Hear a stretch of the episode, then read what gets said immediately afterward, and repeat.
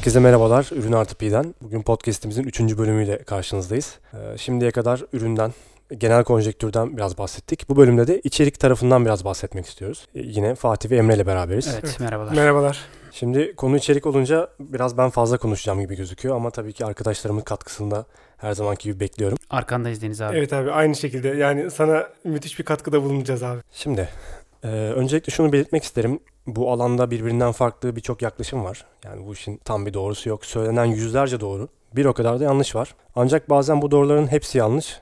Yanlışların hepsi doğru olabiliyor. Çünkü yani her zaman söylediğimiz gibi her şeye iyi gelen mükemmel tek bir tarif yok. Bu işte de yok. Yani ben yaklaşık 5 yıl süre içerisinde 500'den fazla projeyle işte onlarca markaya, startup'a, girişime hizmet vermiş. Hatta bu yolu yeri geldiğinde beraber yürümüş bir oluşumun başından beri içinde olan bir ferdi olarak gözlemlerimi aktarmak istiyorum daha çok. Çünkü dediğim gibi genel bir e, böyle her yerde kullanılacak bir doğru yok. Ama mesela hani genel bir prensip olarak herhangi bir pazarlama materyalinin en derindeki hedefi zaten şu.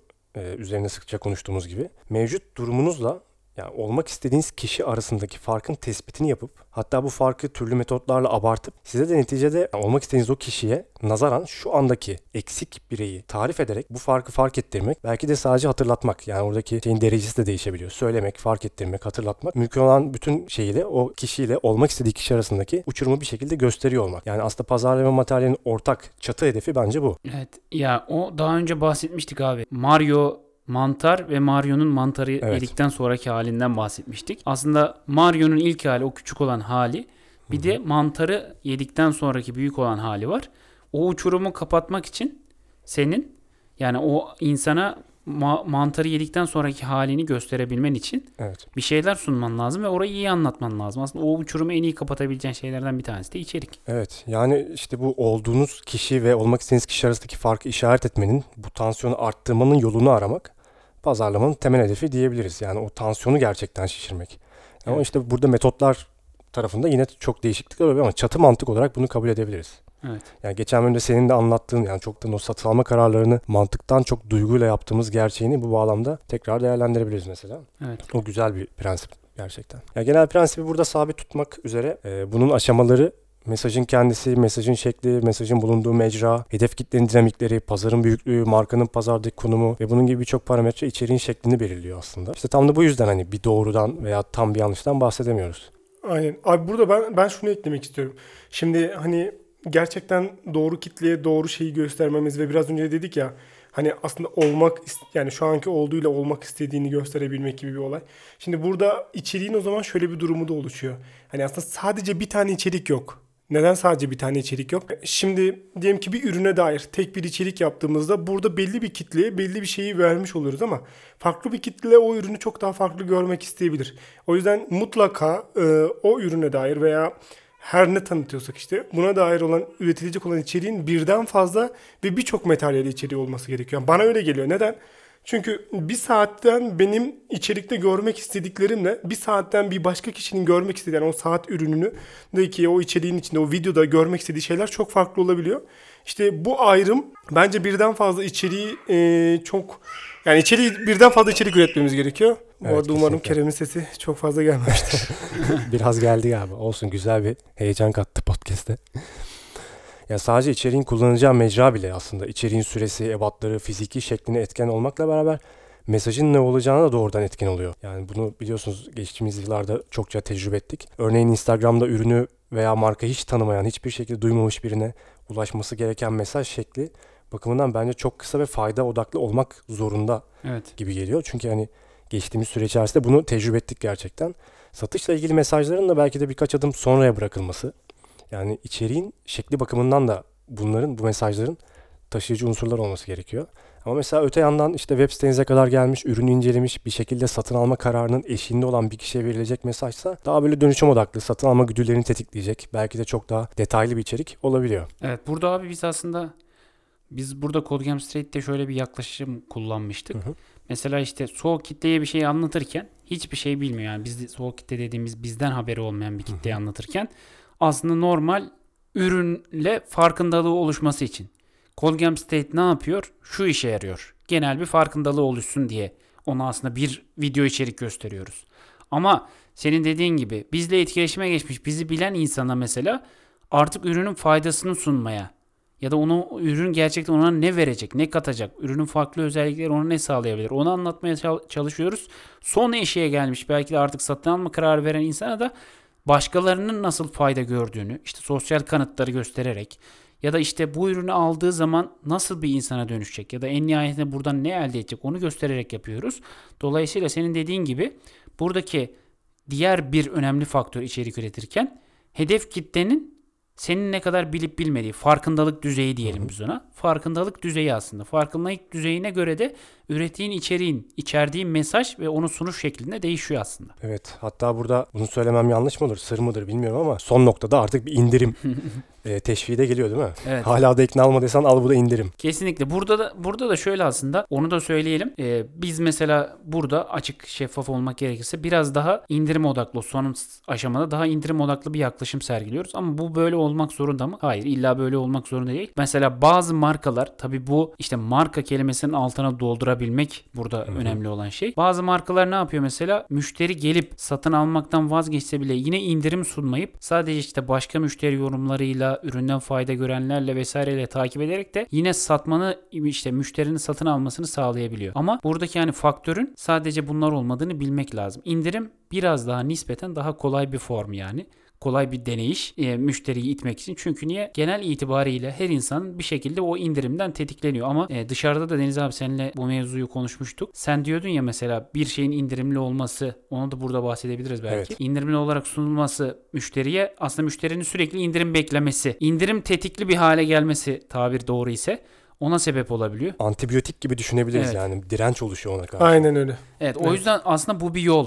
Geri dönülemez bir yol yani. Sen eğer indirim vermeyi tercih ediyorsan işte müşteri bir şekilde o indirimden tetiklenir hale gelecek. Ama bunu yapmadan yola devam edebilmen için de iyi bir marka olabilmen lazım. O da başka yatırımlar gerektiriyor işte. Başka e, Kesinlikle. prensipler, kesinlikle. başka şeyler gerektiriyor diyelim. E, argümanlar gerektiriyor. Ben, ben zaten hani şu markaları çok seviyorum. Yani burnundan kıl aldırmayan. Bizim ürünümüz budur, fiyatı da budur. Yersen. O tavra bayılıyorum gerçekten. Ama işte dediğin gibi bu hakkı kazanmanın da çok farklı yatırımlardan geçtiğini biliyoruz. Evet. Deniz abi ben şey sormak istiyorum. Merak ettiğim hususlardan bir tanesi bu. Sen bir içeriği oluştururken bunu yani illa saniye saniye gibi anlatmana hani lüzum yok ama çok detaylı ol- olabilir o. E, nasıl bir prensip izliyorsunuz? Mesela işte ilk başta şunu verelim. Şöyle bir konsepte verelim. Sonra şunu anlatalım falan gibi böyle hani oluştururken zihninizde kullandığınız bir yapı metot var mı? Ya bizim için ilk başlangıç noktası, çekirdekteki nokta problemin tespiti. Yani o problemin çok iyi tespit edilmesi gerektiğini düşünüyoruz. Süper. Bu iş zaten böyle yapılması lazım. Hani bir girişimin zaten neticede bir problemi çözmek üzere yola çıktığını düşünerek hani merkezde bunu tutarak bu düşünceye bir iç çekirdek eklediğimizde Hı hı. bu girişimin kendi derdini anlatmaktaki problemi nedir? Bizim çözmemiz gereken yer de burası aslında. Biz de girişimlere hizmet veren girişim olarak bizim şeyimiz de bu hizmetimiz. Senin derdini anlatmaktaki engelin nedir? Biz bunu kaldırmak için hangi problemi çözmeliyiz? Bizim çıkış noktamız aslında burası oluyor ama buradan gerçekten çok farklı yerlere varılabiliyor. Yani mesela şöyle örneklendirmeye çalışayım. Bu da sık sık anlattığım bir örnektir. Mesela bir cadde mağazası müşterilerini sokaktan içeriye alıp satış temsilcileriyle satış yapabiliyor ya. Evet. Ama bir e-ticaret sitesi vitrini ve satış temsilcisi de bu video içerik oluyor aynı zamanda. Kesinlikle. Dolayısıyla bu ikisi iki dünya için m, birbirinden çok farklı bir e, prensiple yola çıkmak gerekiyor. Yani yine temelinde şey vardır az önce bahsettiğimiz o. Bundan önce sen şusun, bundan sonra busun. Ama dediğim gibi yani mağaza, mağaza zaten e, müşterisini caddeden alıyor. İçeri aldıktan sonra birebir temsilcileri var falan filan derken bir e-ticaret sitesinin gerçekten caddesi de mağazası da o video. İçeri geldikten sonra satışı yapacak müşteri temsilcisi de o video. Dolayısıyla bu müşteri temsilcisi ne söylerse bu kişiyi olacağı yeni kişi olmaya ikna edebilir. Bizim metodumuz bu. Evet. Ama yine de case'den case'e o kadar çok değişiklik gösterebiliyor ki. E, bunları tabii ilerleyen bölümlerde sıkça konuşuruz. E, ufak ufak örneklendirmeye de çalışırız. Benim burada abi anladığım aslında doğru soruları sorabilmek. Kesinlikle. Yani biz bunu tabii pazarlama tarafında da e, bunu çokça kullanıyoruz da mesela sen çok güzel bir şey söyledin. Buradaki esas problem ne? Yani sen içerik üretirken de işte e, Fatih abi de doğru soruyu sorup ürünü üretti Evet. ama başka bir şey çıktı yani. E, Daha doğrusu ürün ortaya çıktı ama ürün müşteriye henüz hitap etmiyor. Sonra biz o ürüne başka soruyu sorup reklam yaptık. Deniz abi o ürüne başka soruyu sorup içerik üretti. Yani aslında hepimiz temelde doğru soruları bulup sonuca gidiyoruz. Ama onun sunuş şeklimiz ya da onun kullanıldığı yer aslında değişiyor. Hakikaten bizim buradaki ekipçi uyumumuz geçen bölümlerde bahsettiğimiz işi çok rahat bir noktaya taşıyor. Ee, burada da herkesin huzurunda size de teşekkür etmiş olayım. Biz teşekkür ederiz abi. Biz de teşekkür ederiz abi. Ben o zaman hemen sorumu sorayım şimdi buradaki. Ee, şimdi şöyle bir şey var. Ee, Emre abi çok güzel bir noktaya değinerek zaten konuyu ilerletti. Ee, ben de burada bu kısmın gerçekten fanın nasıl e, olduğunu bilmek ve duymak istiyorum açıkçası. Şimdi ben Code Game Straight'i ilk çıkartıp piyasaya daha sunmaya başladığımda bununla ilgili bir video içeriği ihtiyacım olduğu çok net ve açıktı. Şimdi bunu anladıktan sonra bu bununla ilgili nasıl bir arayışta bulunduğumu zaten bir önceki podcastlerde bahsetmiştim. O konuda sana yaklaştığımda abi sen e, bu bununla ilgili bir video içerik çekeceğine dair ben sana sadece ürünün ne yaptığını ve bizim ne yapmak istediğimize ve bu ürünü nasıl göstermek istediğime dair ufak tefek birkaç bir şey söylemiştim ki gerçekten tam olarak bunu ne sunmak istediğimizi ve ne göstermek istediğimizi bile tam olarak bilmiyordum. E, sen burada neye dayanarak bu Code Game Street'i e, insanlara ya da nasıl bir lansman yapabilmek için böyle bir içerik ürettin?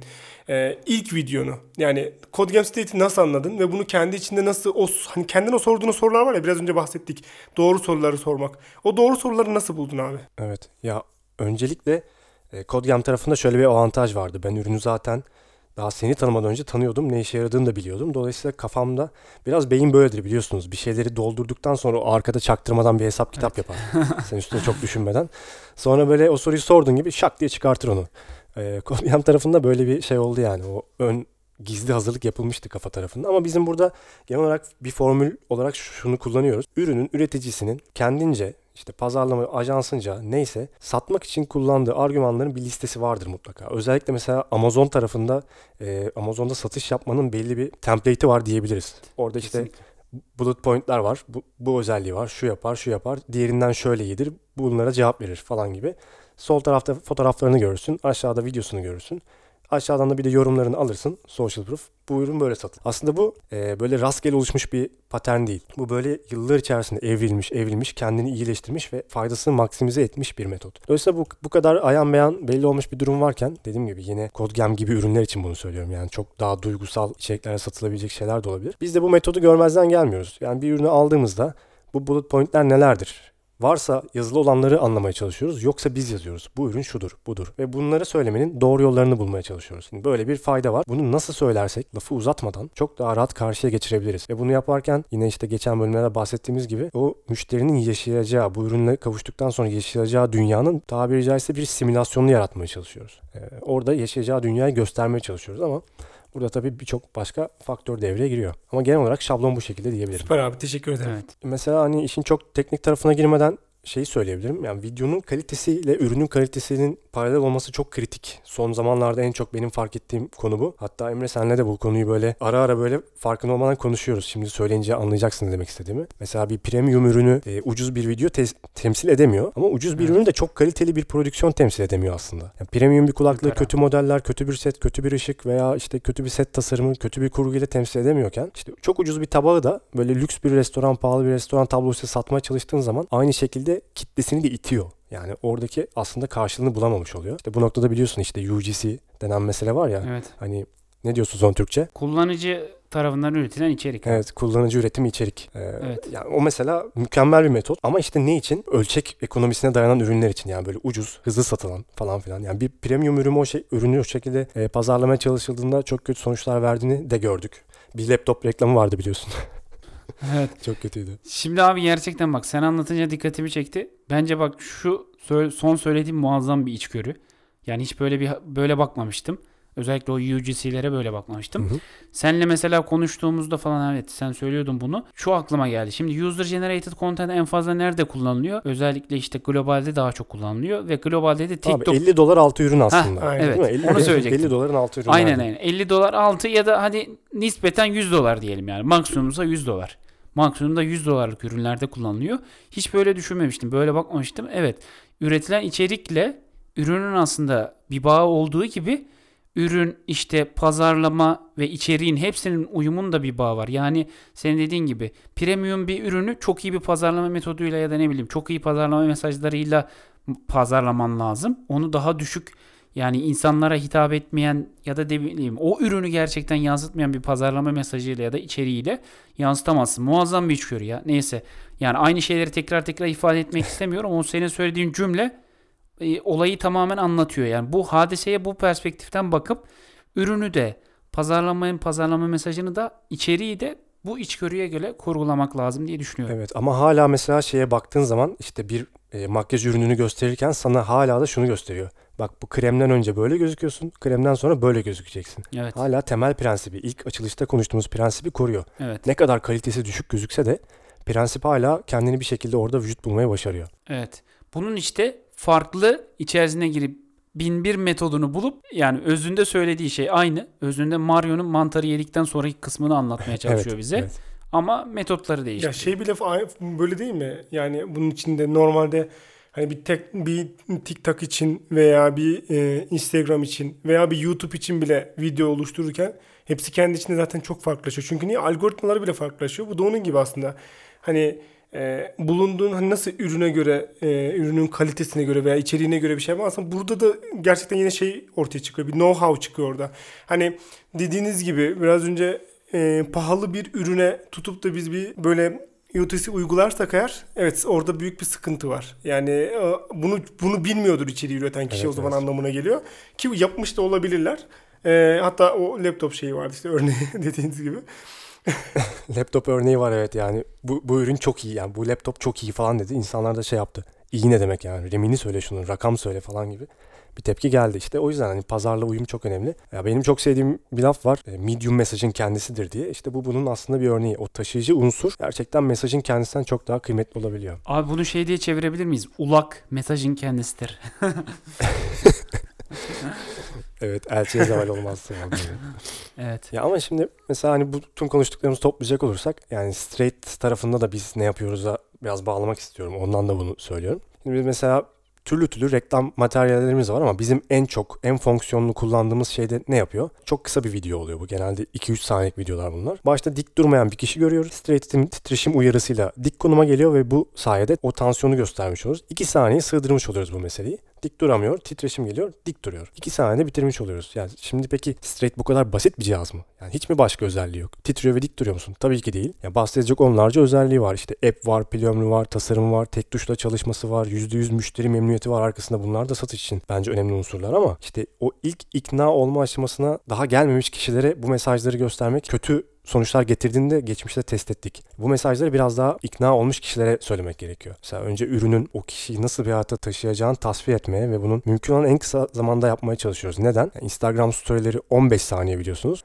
Ama bu sizin mesajınızı vermek için 15 saniyeniz var demek değil. Sizin belki de oradan 2 saniyeniz var, 2-3 saniyeniz var. İşte biz bunun farkındayız. Oradaki kısıtlı kaynağı doğru kullanmak için biz bunu bu, bu kadar sıkıştırmaya çalışıyoruz. Mesela Stres ilk piyasaya çıktığında o lansman videosunda biz tabiri caizse tüm tuşlara bastık. 2 dakikalık bir lansman videosu yaptık. Ürünü her şeyle anlatan bir videoydu. Hala da öyle. Ama asla satış ve pazarlama materyali olabilecek niteliklerde değildi bu video. Aynen. Evet. O satış için yaptığımız video şey vardı yani o 10 saniyelik bir videomuz var ya hatta o bile 15 saniyedi. Şu kare çıksın, bu kare girsin, şurası şöyle olsun diye oynadık. evet, evet. Gerçekten 9-10 saniyelik bir video getirdik. Emre abi hala diyor ya abi inanamıyorum diyor. Bir yıldır hala aynı video çalışıyor diye. Aynen öyle yani. Hala kullanıyoruz yani. bir, Bir- bir 10 saniyelik video gerçekten bize yani çatır çatır satış getiriyor. Çok ilginç yani. Yani ve bunu doğru kullanmak gerekiyor. Yani doğru kullanmazsan hiçbir anlamı yok. O yüzden işte tam burada bu Evet. bu üçlü birleşim çok güzel oluyor gerçekten. Hani ürün, içerik ve marketing. Yani bunları böyle birleştirince müthiş bir şey çıkıyor ortaya. Kesinlikle. Zaten önümüzdeki bölümlerde mutlaka Emre'den şeyi dinlememiz lazım. Yani biz bu içeriği yapıp bir şekilde teste koyuyoruz. Sonra Emre buradan hangi datayı okuyor ve biz bunu nasıl optimize ediyoruz? Bunu mutlaka dinlememiz gerekiyor. Aynen. Aynen abi. Kesinlikle o, o çok önemli. Anlatalım abi. Bu bölümde bir de senin yine senin sevdiklerinden şöyle bir resim ortaya çıkardım. Bence hem ürün hem pazarlama hem içerik için üçümüzün de ortak bir şeyi var. Bugün Twitter'da bir görsel paylaştım. Harika bir görsel o ya. Basit bir okla giriyor sonra çok karmaşık bir düğüm gözüküyor. Sonra oradan tekrar bir tane ok çıkıyor. Böyle hayal edin kafanızda. Basitlik, sonra karmaşıklık ve berrak bir basitlik diyelim. Duru bir sadelik ya da öyle çevirelim. Elegant simplicity diye yazmış İngilizcesini.